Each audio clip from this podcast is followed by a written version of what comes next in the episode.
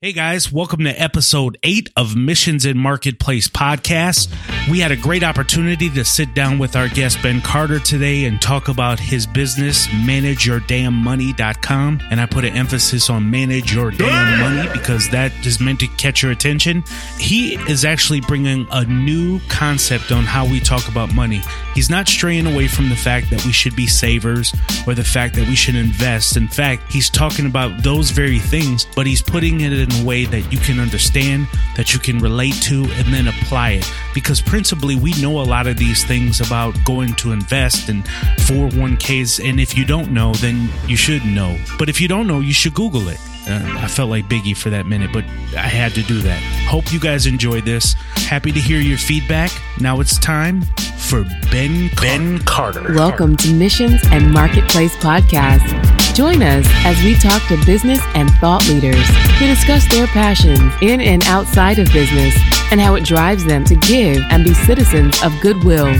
Let's get started. Hey Ben, welcome to the show. How you doing, Priest? Doing great. Thanks for joining us. Why don't you tell the audience a little bit about yourself? So my name is uh, Ben Carter. I am the co-creator and host of the web series Manage Your Damn Money, manageyourdamnmoney.com, where we do all things to make money cool. Um, we're essentially trying to create a conversation that's uh, culturally relevant. Um, we bring creativity and comedy into the conversations that we have about money. I'm also author of the recently released book fictitious financial fairy tale, a completely untrue story about money, friends, and Moscow mules. And that's available now on Amazon.com. Yeah, and I bought the book. The book is awesome, by the way. I just want to add that in the name of the book is just as amazing as Manage Your Damn Money. Uh, just because it reminds me of one of those creative names like Inglourious Basterds and some very espionage deep enthralled story. So it's a great That was book. the goal. It's a really good book. So where did the name and concept of Manage Your Damn Money come from? So the story is um, I was staying on my buddy's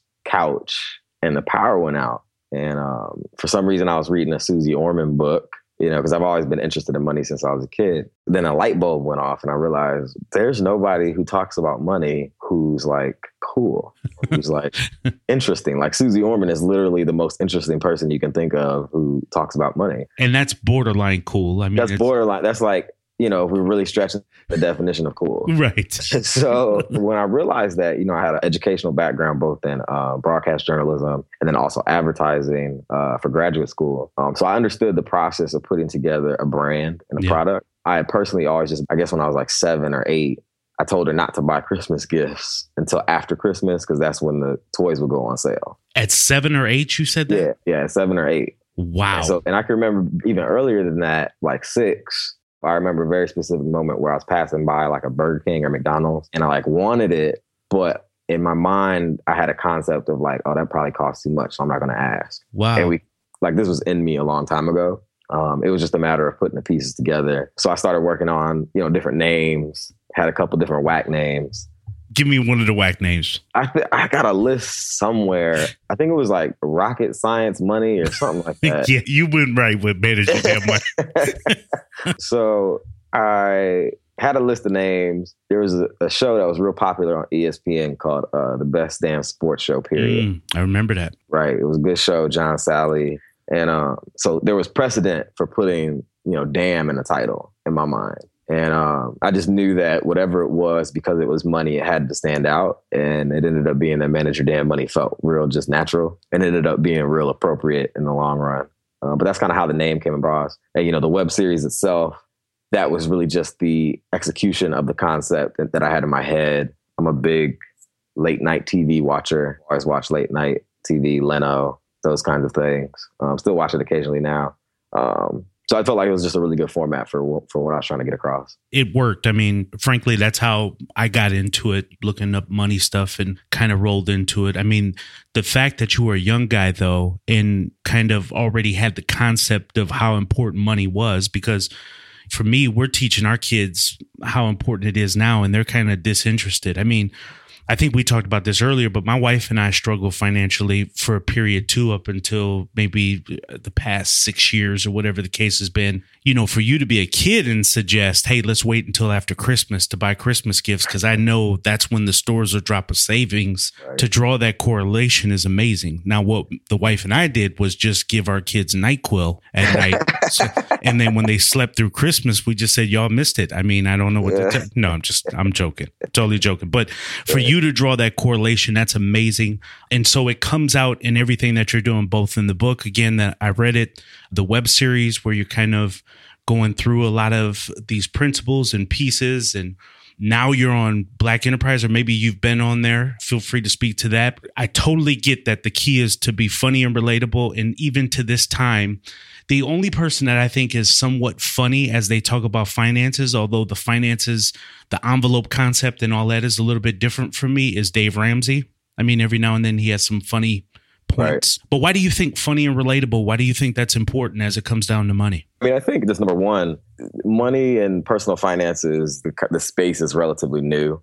The Financial News Network, which was merged with CNBC eventually, was only started in 1981. So the concept of like being educated on finances is relatively new. And then when you think about entitlement programs, Social Security, and those kinds of things, those things are new. So the idea of like saving your money for some future moment is really kind of outside of being an extremely wealthy businessman. You know, it's relatively new for for the common person and for just our world. Like these things are new concepts for the um, ninety nine percent. Absolutely, absolutely. Yep so basically the key is to be funny and relatable and oh, yeah. and, and you're kind of leading into that like since this is a new concept you know you still want to be able to drive you know have fun ways of driving people to it. Otherwise it just sounds like the old hat for old people saving. Absolutely and that's kind of been the you know what you just mentioned has kind of been the old the, the way that we've done it and we've kind of accepted that because at some point everyone starts thinking about well how much money do we have and what are we going to do to get more particularly as we age and, you know, with healthcare the way it is, people live longer. But we've always dealt with it like we have to do it. It's a regimented thing that we have to do. And so let's just sit down in this room with this whiteboard and we'll talk about 401ks and IRAs and we'll make sure that it's not at all interesting and not all at all entertaining. Uh, and so I think what we're really doing is trying to move the needle in a new direction or, or a higher iteration of that, where we um, educate, but we also entertain. Um, we live in the world now of like Snapchat, Instagram, Vine. Vine is six seconds long to like make a point and be funny or whatever. And with the millennial generation that kind of communicates in those more small 140 character bites through text and whatever else it might be, you have to grab people's attention. And there's no way to like tell a 25 year old, listen, you know, you can save a good amount of money for retirement, you know, and possibly be comfortable when you're old. You can't really get that into their head if they're too focused on, you know, the other entertaining things that are available to them via their phone and TV and Hulu and all those things. So I think we're trying to play in a space where we step to the challenge of being interesting and um, that's kind of really what drives it. I love the story and the concept behind it. So here's a old thing that I think people can identify with.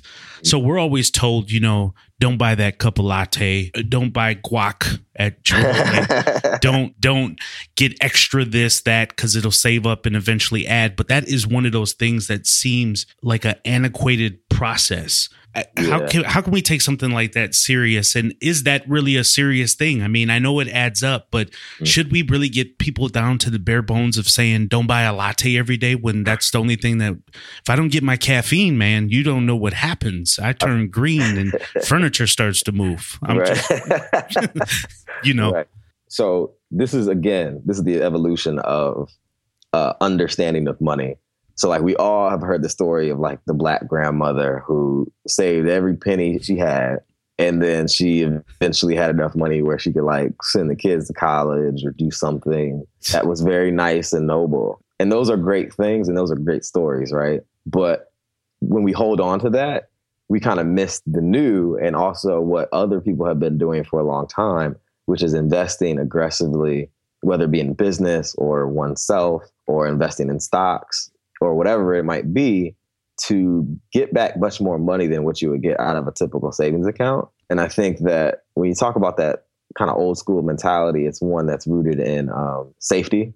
It's one that's not rooted in like with an entrepreneurial spirit of how can I get ahead further. It's almost a Great Depression mindset when uh, from 1929 when they were like, if this happens again, I'll be ready.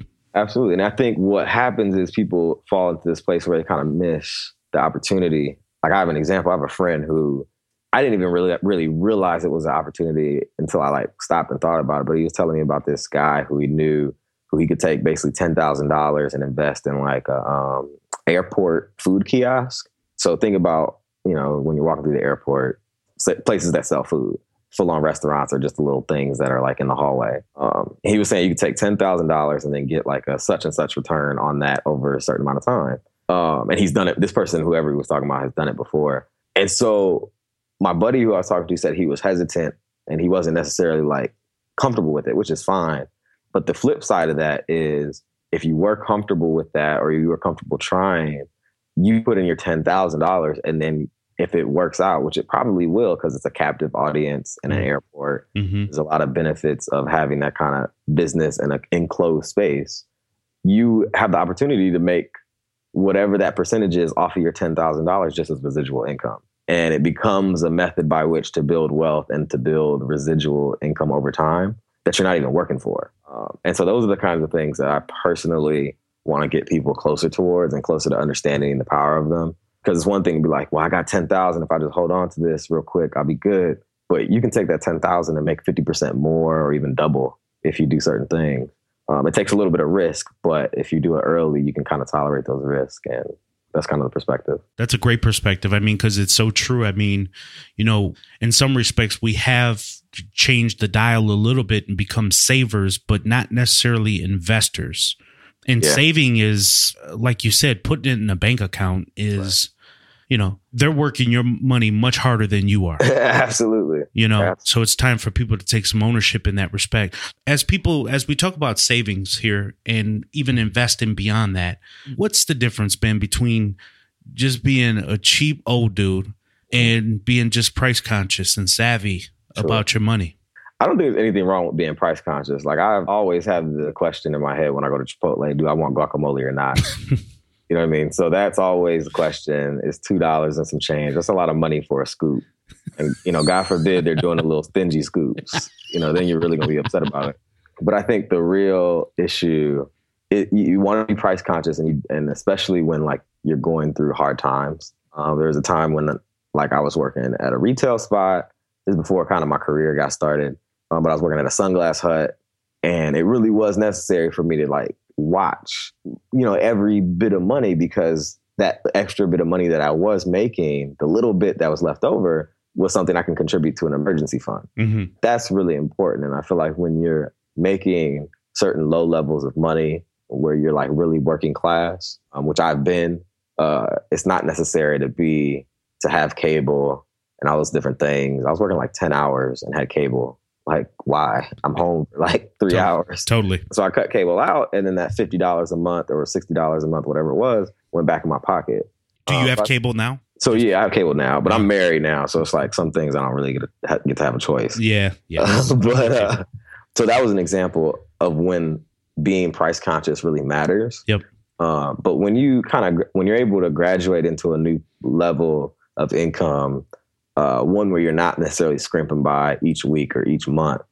I think it's important to get to that next level where it's not about let me not buy lattes, but it's like let me make sure I'm buying stock or let mm-hmm. me make sure I'm doing something that's going to like push my money and make my money work for me. That the fact that me buying lattes doesn't impede on me being able to be an investor. It shouldn't. Right. It shouldn't. Right. And I mean, everyone has their like indulgences. Like I know when I was work was working full time jobs, my main indulgence, even when I was making like thirty grand a year at a, a communications agency, um, you know, and taking home much less than that, I still went out to eat lunch every day, and I knew that was like stupid, and it was to the point where I opened up a full another bank account just for like lunch, because that's my like when I'm working, like that's my treat and that's my like little drug, if you will. So like, and I I recognize that and I acknowledge it, and I say, okay, that's not necessarily a great thing, but that wasn't the end all to be all when it came to like paying my bills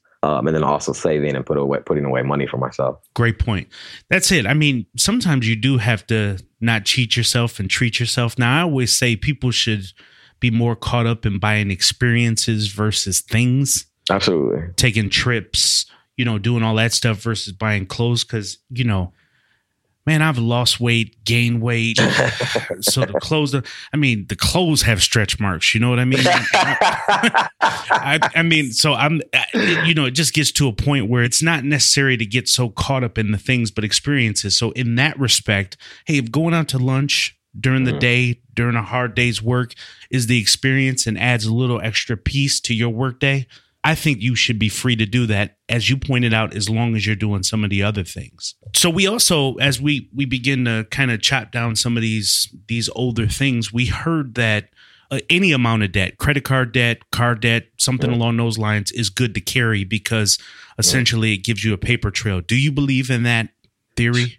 Sure. I mean, I think the the notion is that if you have a record of credit card usage, car loans, or you know, student loans, it suggests that you are able to pay for a new line of credit. So if you've done well with your bills and your lines of credit in the past, you'll probably do okay in the future, and that's kind of the purpose of that. Mm-hmm. Um, I, you know, I personally don't suggest, and I don't like the idea of taking out loans and lines of credit unnecessarily. Mm-hmm. So like if you if if if there's a choice between a three thousand dollar car, especially when you're young, and like the fifteen thousand dollar car that you have to make payments on, but the three thousand dollar car will actually get you to and from for like the next two years. It sucks because you're not rolling as clean as you'd like. right. Um, but it's it's kind of like there's no reason to take out that loan. And then also, you know, I I just got through rereading the book that I mentioned earlier, Rich Dad Poor Dad, yep. which I think is a great book to read. Robert Kiyosaki. Yes, indeed. And uh, in that book, he, he talks about the difference between a, a, liability and an asset. And like a car is a liability. Like mm-hmm. it's something you have to pay insurance on. It's something you have to like take to the shop. It's something you have to put gas in. It's something you have to make payments on.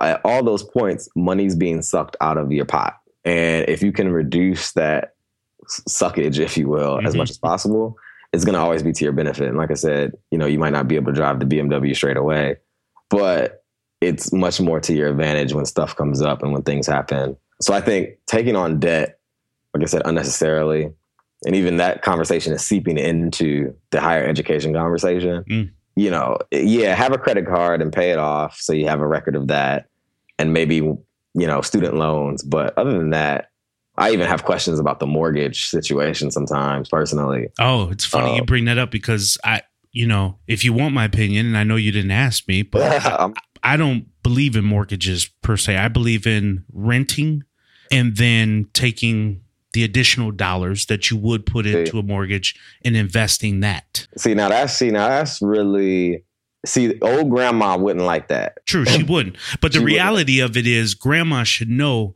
that she doesn't own that house until after 30 years because if she thought she did, she should stop paying the bill and she's going to find out really quickly who that owns it. That yeah. ain't her house. that ain't yours. And I think that's one of the, when you just talk about the maturation of our understanding of the, these things over time, my own wife's mother and other people, um, you know, in that age group, you know, 50 plus would say like, you know, you want to own something, you know, and I think that was a concept that was sensible and one that was made sense because, for instance, my wife's grandparents, both on both sides, have homes that they own in DC that are fully paid off. Yeah. But those are homes that were paid off when they bought them for seventeen thousand dollars. Right, right. Years and years ago. Fully, you know, fifty years ago. And so it's one of those things where it's like, okay, that's cool.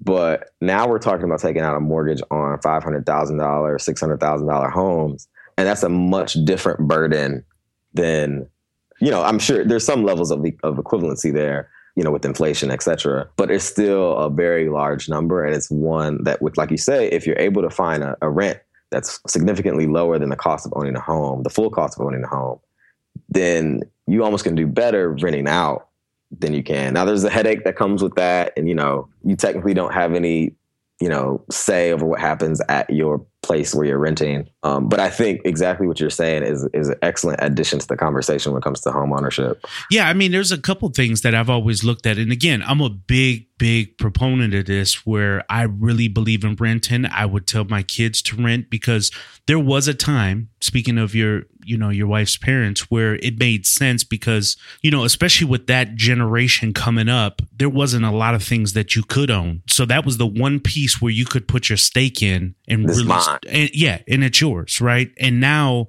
you know, we're becoming a lot more savvy. We're becoming a lot more the the playing field has become level with internet and just everything in general. I mean, you don't have to go to a broker to do your investing anymore. You can go on, you know, Scottrade and all these different websites, ING, and do your own investing. And now it's being broken down by people like yourself. Um, I just think it makes a lot more sense to rent and say, look, this is the amount that I'm going to pay a month, but Yeah. I'm not responsible for the hot water heater, the roof when it goes out, and Yeah. then whatever money taxes and otherwise that would have theoretically been paid by me will Mm-hmm. now go into some aggressive startup or some investing outside so uh, you know it's a debate for sure i'm uh, you know for a lot of people because i know it's been a big thing out there always but I legitimately debate myself. yeah i do too Is is is absolutely a new um, concept. I think it's a little different because I'm in Washington D.C. Mhm. where prices to rent are like incredibly inflated and just stupid. Um, so there's there's that aspect, but when it comes to like more middle of the road places that you can live, except for you know San San Francisco, New York, D.C. That's a really interesting consideration. You know, it's funny because somebody told me they said, "Look at the name priest, the name mortgage." You know, some there's some people that like to get deep and they break down the Uh-huh. names. The name morgue comes from morgue, and Oh. then gauge is like a grip, so it's a death grip. that sounds like some preacher stuff. Um, and like- man, I was like, that was. I, I think I'm gonna get saved just by you saying that. You So see what happens? see when the when the system so so tell me uh, you know someone's listening that they don't have a job they're a stay-at-home mom they're starting some kind of business uh, and so they don't feel like they have enough money to even start a business or invest Uh, how would you suggest that they get started what should what are some steps they should take to do that you know, it all depends to some extent on what the business or the, the side income avenue is going to be. Um, but I think the best thing I can say, and I use myself as an example, is to start and do whatever bit that you can so that if, if another person steps into this space or an opportunity steps into the space, it already appears as if you're wor- working down to make the thing that you want to have happen happen. A perfect example is my business partner who I worked on Manage Your Damn Money. I didn't know him when I created the concept. You know, I had the skill set when it comes to like design, when it comes to uh, writing and all those things. is I- that will Yeah, so Will, he's he's essentially the video production side of Manage Your Damn Money. I didn't have that, but I still I took like some uh, I did like a little photo shoot with my uh, college friend. Um, so I made sure that whoever came I came across who might be able to help me understood what the concept was as much as they could, whether it was on paper. You know, I bought the domain name Mhm. just to make sure that it was clear I was working towards this goal. And so I met Will. We actually did some work together through another small like business. You know, we got like cool there. Um, and then I pitched him the concept um, one day in a subway, and uh, he was like, "Okay, yeah, we'll, yeah, we can work on it." And he and he's always approached about stuff because his video talent is like that high. Um, but he was like, "All right, you know, we'll see." So we shot like a little test thing, um, and slowly but surely we developed it into a, a working business relationship, and one where he brought one set of goods to the table, and I brought another, and the combined was the Manage Your Damn Money. And so I think my thing is even where money or maybe resources are lacking, um, there is something you can do to start putting your first foot out there. You know, you can't just sit on your sit on your hands and be like, "Well, I don't have what I need yet, so right I'm gonna just wait." so you're like it's a, it was as simple for you to go out and buy a 10 12 dollar domain and just do bit by bit Absolutely. Like I, I designed the logo. You know, I, I put together like a one or two pager that kind of outlined the concept of what Manage Your Damn Money was and what the show would be. Like I said, I took photos that looked nice and then put those things together with the logo to make it look like it was actually something. Um, and so that way, when I presented it to Will, it wasn't me just telling him, it was me showing him. And so I think, you know, these are the particulars of, our, of the business that I'm in. A person who's in the same position has to figure out the particulars of where they're trying to go and then figure out what they can do to like take steps towards it. That's good advice. Just a couple of things before we wrap up here, but you know, and we've kind of alluded to this during our conversation here, but do you think this generation when I say generation, I mean us here now. Uh, both of us, all of us, are better than that generation before, meaning your wife's parents, my parents' parents. Do you think we're better or worse with money? Because in one respect, you know, we do a lot of balling out of control, right? But in another respect, we know a lot more about money and i think you know there's a lot more rich people obviously than there was before so there's something happening what's your take on that i say it's the evolution and I think we all stand on the shoulders of those who came before us. And so I think, you know, like you mentioned before, the internet kind of plays a huge deal and people's ability to be educated and to know about things. There mm-hmm. wasn't that back when our parents were like oh, coming up.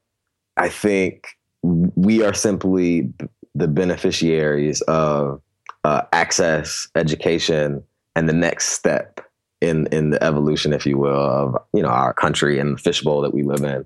So where our parents might not have known anything but saving, you know, we're having opportunities to actually have conversations at a young age about 401ks, IRAs, stocks, investing, so on and so forth, and other things you can do. Whereas back then, it was just if you didn't have like a dad who was a stockbroker, why would you know about stocks? You know yeah. what I mean? There, there, was not, there was no CNBC.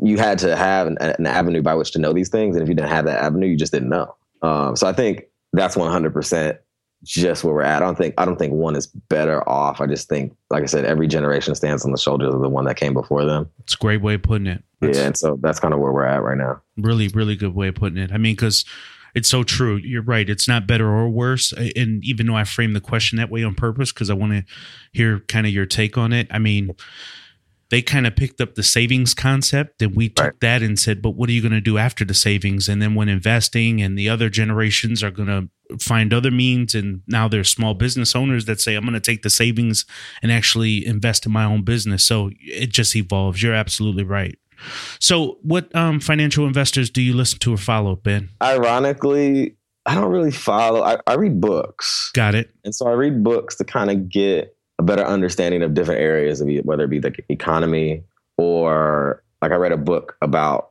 the fair tax one time. Um, I don't remember the authors. Um, like I said, I read Rich Dad Poor Dad again recently. Yeah. Currently, I'm reading a book about um, about negotiating, and then another one about uh, profits aren't the most important thing; they're the only thing. That's the name of the book. Okay. Um, so those are the kinds of things that I kind of let direct me. I think I've had enough experience in this space to know an investment when I see it. And so I mean that in two ways. I know when there's one that I don't understand. And so I can't really get into it if I don't really understand it immediately.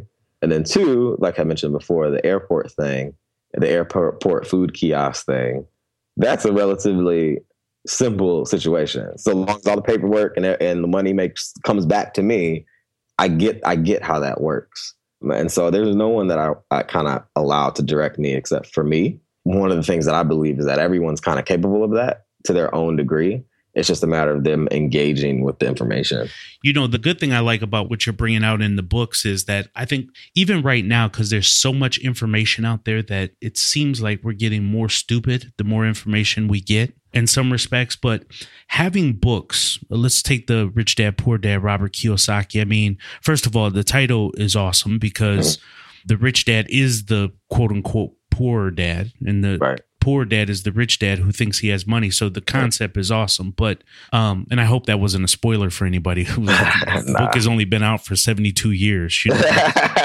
but right. but the books kind of put you in an intimate place with the authors, right? They become your financial support system or your mentors mm-hmm. without you having to speak to them necessarily. I mean, just reading the words off the pages kind of gives you a glimpse inside of how they think. I mean, you could even take some stuff from Warren Buffett and read, you know, kind of his patterns and maybe he's not telling you everything, but right. it certainly gives you a peek into what he thinks and you can take it how you want to from there. Absolutely. Um, you know, even with Manage Your Damn Money, I mean, you could read a lot of the content that you have out there, both in video and on the website, and you can read parts of it and say, well, you know, this isn't how I talk about money or whatever. But at least it gives you a premise to start with rather Absolutely. than just saying you don't know. Again, that's kind of our mission is to have people start that inner dialogue with themselves and also with friends on different subjects, whether it's investing, saving money, or like you like we talked about, not buying Chipotle. Those are all things that we try to cover without being preachy or telling people what they need to do, but simply presenting something and then allowing you yourself to kind of, oh yeah, I would do X, Y, Z, as opposed to ABC. Ben, you've been awesome. I really appreciate your time. I appreciate it, Priest. Thank you so much for having me. Thank you for listening to Missions and Marketplace. If you have a brand or business that you want to take online, or you're already online and looking for more exposure, visit us at affiliatemission.com, the premier affiliate marketing and management agency. Also, feel free to get social with us and check our Facebook, LinkedIn, and Twitter pages and share with us your story on how you're leaving a mark in the world.